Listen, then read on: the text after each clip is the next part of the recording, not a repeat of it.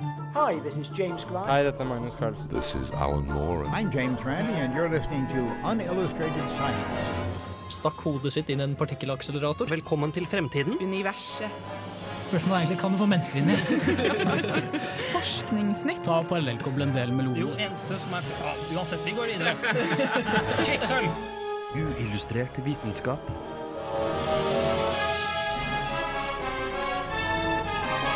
Science, it works, bitches.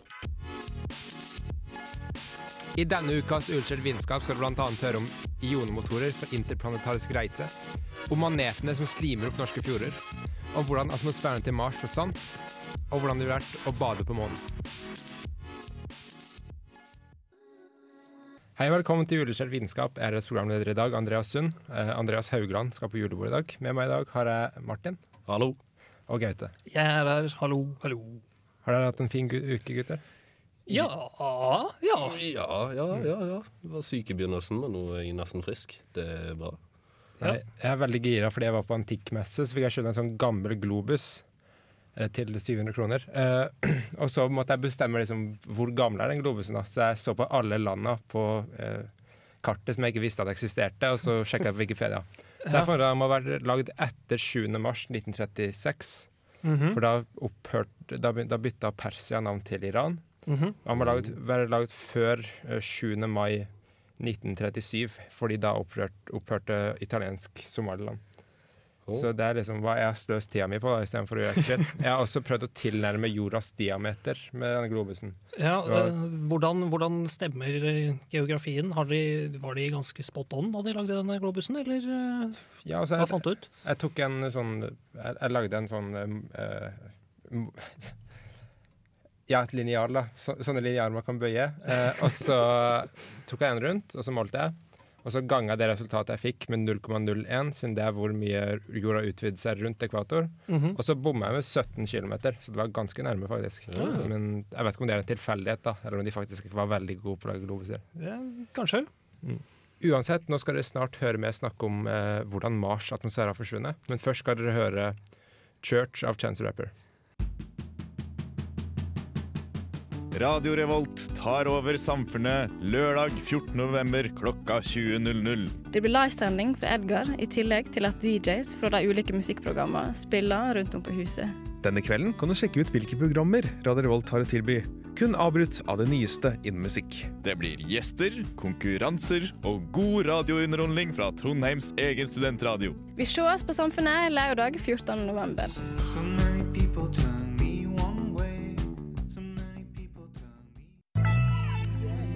She says she wanna drink, do drugs, and have sex.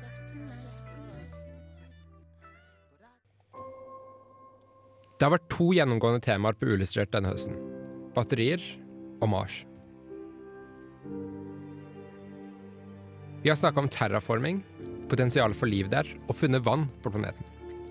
Hver i dag skal vi høre om hvordan atmosfæren forsvant. Noen ganger spyr solens ytterste lag, som vi kaller koronaen, ut en suppe av ladede partikler som vi kaller en solvind. Denne vinden er såpass rask og såpass sterk at vi definerer solsystemets ytre grense for der den stopper, nemlig heliosfæren. Når sola føler seg ekstra fyllesyk, så spyr den ut enda flere partikler i hva som blir kalt en solstorm. For jorda betyr dette nordlys, men for Mars har det hatt langt verre konsekvenser. Det virker nemlig sannsynlig at den røde planeten en gang hadde en tjukk atmosfære som var varm nok til å støtte flytende vann. Men det har den definitivt ikke nå lenger.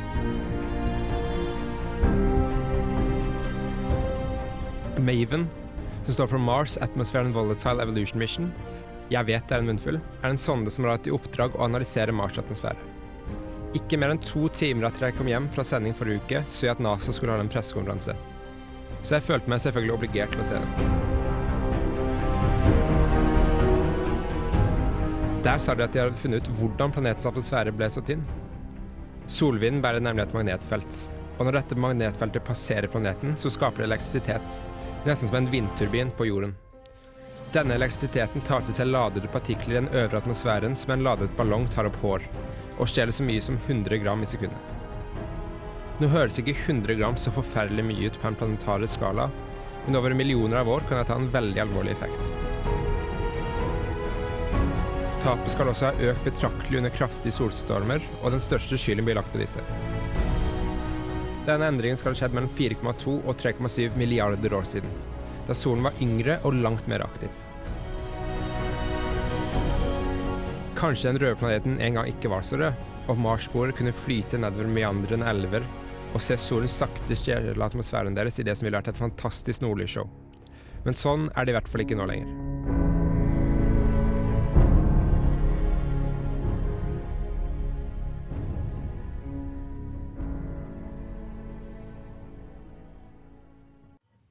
Ja, der hørte dere altså meg snakke om eh, hvordan Mars' atmosfære forsvant. Er det noen som har noen spørsmål til det?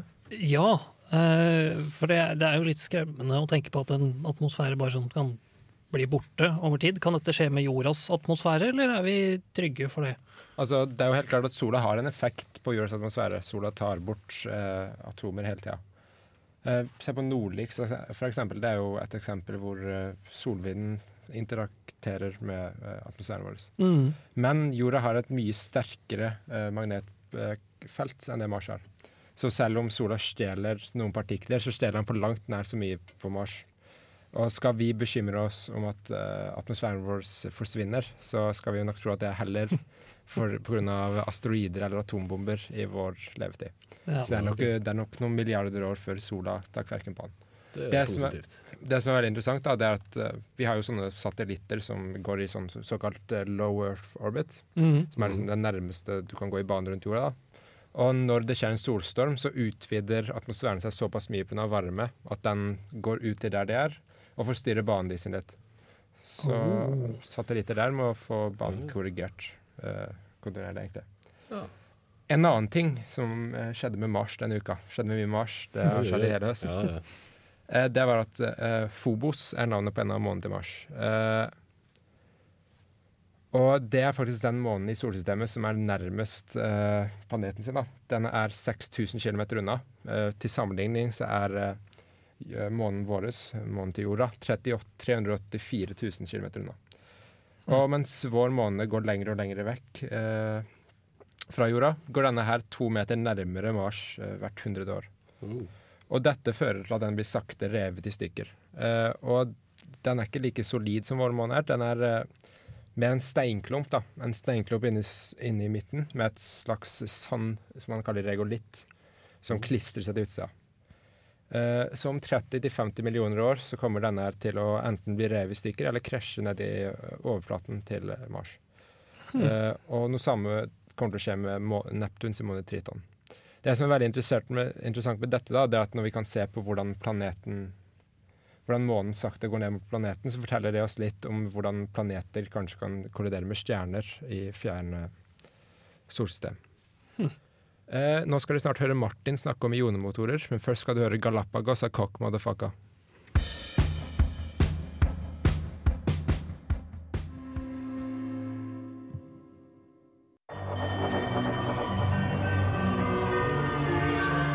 Fra barneskolen av har vi lært at universet er stort. Veldig stort. Dette betyr lange avstander. Så lange avstander at en av de nærmeste stjernene i forhold til vår sol, Alfa Centauri B, ligger ca. 4,1 lyser unna. Slike distanser krever noe mer enn dagens rakettmotorer drevet av gammeldagse kjemiske brennstoffer. Vi trenger noe som kan gi skyvkraft over lang tid. Derfor har vi i dag begynt å ta i bruk elektriske rakettmotorer. Ja, du hørte riktig. NASA har gått grønn. Sånn noenlunde, i hvert fall. Denne motoren er kjent som en ionemotor, og bruker et magnetfelt til å akselerere ioner, elektrisk ladde partikler, ut av motoren som en jet. Dermed dannes det en skyvkraft som skyver fartøyet i motsatt retning. Drivstoffet som ofte brukes i denne prosessen, er grunnstoffet xenon. Det samme grunnstoffet som brukes av SUV-er til å blende deg på mørke kvelder. Xenon er en edelgass, og derfor veldig stabil fordi den reagerer sjelden med andre stoffer. Xenon vil derimot reagere på elektriske impulser, og vil da bli ionisert og eksitere et blått lys. Motoren er ikke kraftig nok til å forlate jordens gravitasjonsfelt, så det trengs litt gammeldags, konvensjonell raketteknologi for å få den opp i verdensrommet. Men fordi den har høy effektivitet og bruker lite drivstoff, kan ionemotoren gi skyvkraft i lang tid. I vakuumet i verdensrommet er det ingen luftmotstand, noe som betyr at fartøyet vil akselerere så lenge motoren gir skyvkraft. Deep Space One hadde en slik motor og nådde en hastighet på 4300 meter i sekundet, eller 15480 480 km i timen, og brukte kun 74 kg xenon. Romfartøyet Dawn slo denne rekorden ved å nå en hastighet på 10 000 meter i sekundet, eller 36 000 km i timen. Med denne hastigheten vil det ved gjennomsnittlig distanse mellom jorden og Mars bare ta 260 dager å reise mellom dem. Så det kan se ut til at dette vil fortsette å være fremtiden innen romfart. Det vil si helt til vi finner opp en hyperdrive.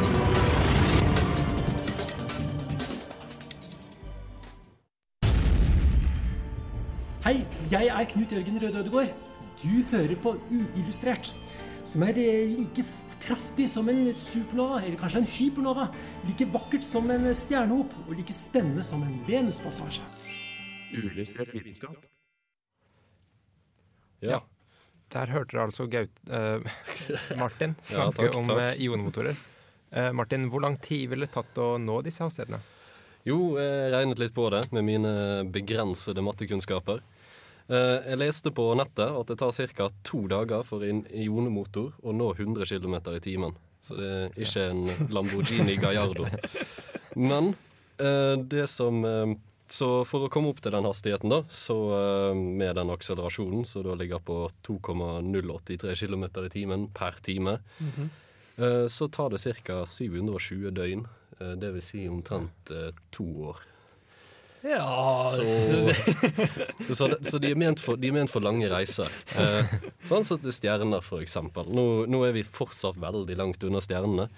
Men eh, ja, vi, eh, vi sendte jo opp eh, i hvert fall et par av de for eh, ganske mange år siden. Så, eller 2005. Det begynner å bli en stund siden for, eh, for, oss, for vår generasjon, i hvert fall. Ja, da har, de, da har de nådd eh, hastighetene sine, i hvert fall. da. De har nådd makshastighet på Ja, kanskje ikke makshastighet. De kan jo Ja. egentlig fortsette helt til de går tom. Ja, det er så sant. så um, Ja, det Det er vel ikke så mye mer å si om det. Nei, men, eh, men har vi noen, noen alternativer til disse jodomotorene, da? Eller er det, er det det vi skal satse på for eh, sånn langdistanseutforskning?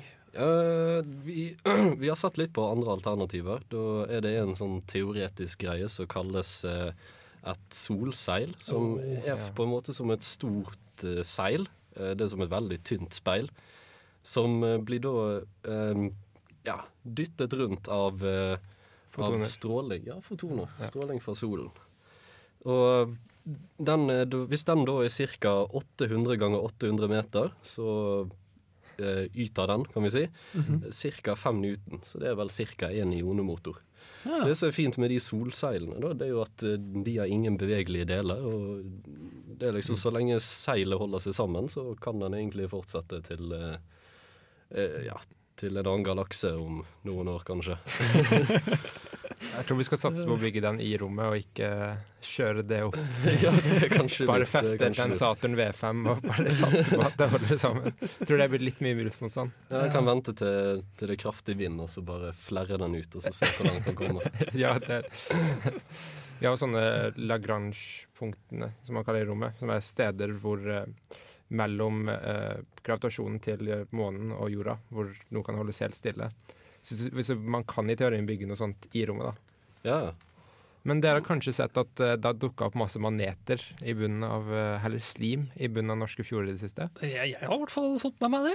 Ja, det håper jeg. Ja. Uh, og dere skal snart høre Gaute snakke om det. Men først skal dere høre eh, 'Lett å være rebell i kjellerleiligheten din' av Carpe Diem.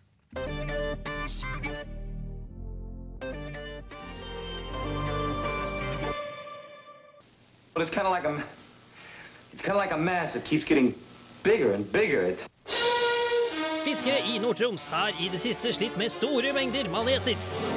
Millioner av kubikkmeter med maneter har gjort at det er vanskelig å fiske, og den nederste delen av dette manetbeltet har fått flere til å klø seg i hodet. De nederste 15-30 meterne over havbunnen er nemlig dekket med et slim som farger fiskeutstyret rødt. Slimet blir beskrevet som å ha margarinaktig konsistens, og er så tett at elektroniske instrumenter oppfatter det som tette fiskestimer langs bunnen. Selv om dette er et merkelig fenomen, kan forklaringen være ganske enkel. På Havforskningsinstituttets nettsider står det at det kan dreie seg om en oppblomstring av ribbemaneter, og at disse er i ferd med å dø. Dette passer med tiden på året, da de fleste manetene dør i løpet av seinhøsten og vinteren. Også de stedene ekkolodd viser at det er mest slim, dyp med mindre gjennomstrømning, passer med denne teorien. Det står også at det kan dreie seg om ribbemaneter i slekten beroe, der den vanligste arten i Norge har det klingende navnet agurkkammanet. Ribbemanetene kalles nemlig også for kammaneter pga. de karakteristiske åtte strekene med flimmertråder de har langs sidene. Disse brukes til bevegelse og kan også lyse ved bioluminescens. Ja, så dette var jo en veldig fin nyhetssending, da. Men uh, Gaute, er dette naturlig, eller kan vi skylde på Statoil eller Telenor for dette? Eh, nei, du kan i hvert fall ikke skylde på Statoil eller Telenor. Det var noen teorier om at du kunne skylde på, på oppdrettsnæringen for at de slipper ut masse dritt, visstnok.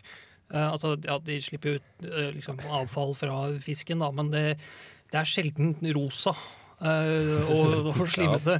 Um, men det var altså Man antar i hvert fall da at det er eh, ribbemaneter som bare dør og ligger og går i oppløsning og blir til sånn manetslim. Så altså, det at maneter dør i store mengder, eh, eller i det hele tatt finnes i store mengder i norske fjorder, det er jo ikke noen sånn super big deal. Det er naturlig at det skjer, at de får sånne store oppblomstringer. Eh, for eksempel så var det jo en stor oppblomstring av kronemanet i Lurefjorden utenfor Bergen. Eh, som var såpass intens at det ikke var mulig å fiske der i det hele tatt, fordi det var så mye maneter. Ja. Men eh, ja. eh, her er det altså Det er, det er noen ting som, som er litt sånn spesielt uh, med denne saken allikevel. Uh, Blant annet det at det har jo ikke, de sier at de har ikke oppdaget noe sånt som dette tidligere. Det er altså et nytt tilfelle, et nytt sted. Um, og det er jo ikke så naturlig at disse manetene plutselig dukker opp på nye steder. Ja. Uh, og ribbemaneter pleier jo også, så vidt jeg vet, å ha store oppblomstringer, eh, spesielt på våren. da. Det kan jo skje ellers på året også, eh, men nå er det spesielt mye av dem oppi der. Eh, og det kan jo altså Det kan hende at det er naturlig fremover i tid, fordi at det har vært små endringer i temperatur og sånn, som gjør at de kan leve på nye steder. Eh, og det kan jo være en utfordring og et stort problem, at man får sånn gørr. Ja, ja, ja. det er ikke like fint Det ødelegger for norsk turisme, da, hvis er sånne amerikanere skal komme og se Bardangerfjorden, så er det bare slim. Her, her har vi sli, Slimfjorden. Men den er rosa, da, så det må jo være Ja, noen som synes det er interessant. Jeg tror de blir lei av det etter hvert, da. Kanskje. Ja, det er sånn Her kan dere bade i margarinaktig rødt slim. Gratulerer. Eh, Det høres ikke så veldig fristende ut. Og så skal det sies at dette slimet var jo tykkest nede ved bånn, da. Så du, du ser det ikke. Det bare ligger der og ødelegger for alt annet. Åh, ja. Ja. Uh, ja, men det var altså ribbemaneter, og det er også litt sånn spesielt.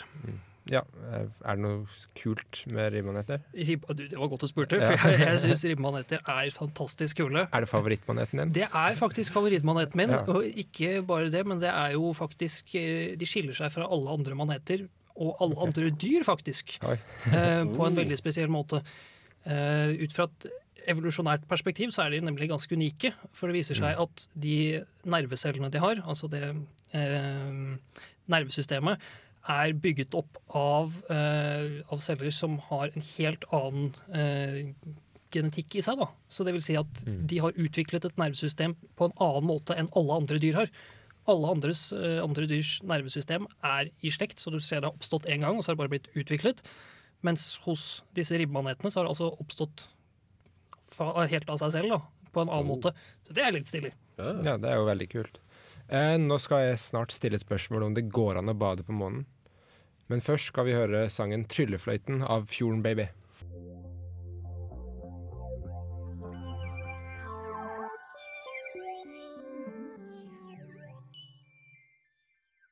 Hi, this is James Grime from Numberphile, and this is Unillustrated Science.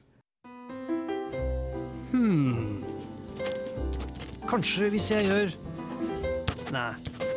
Jo! Aha! Hæ?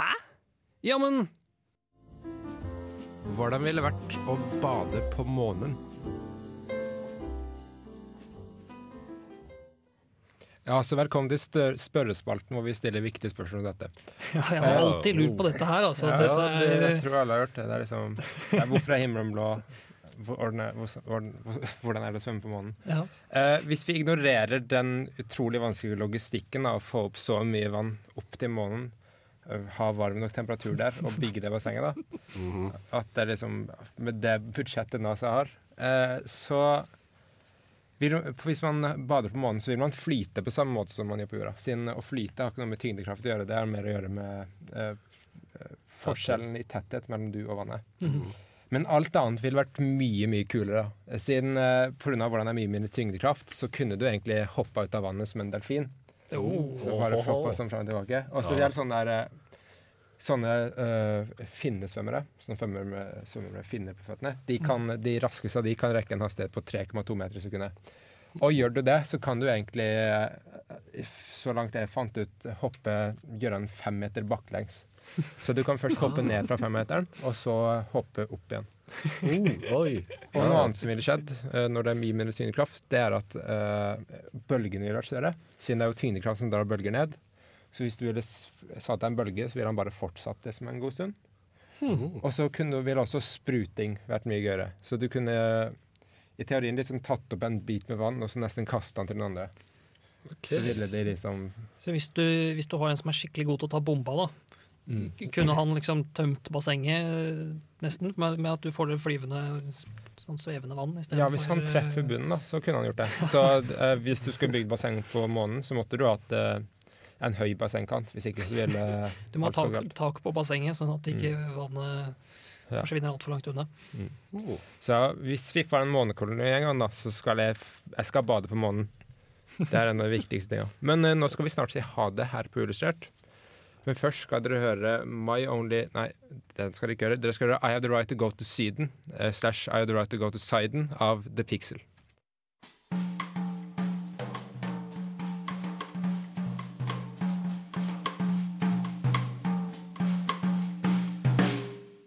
Science isn't about why, it's about why not. Why is so much of our science dangerous? Why not marry safe science if you love it so much?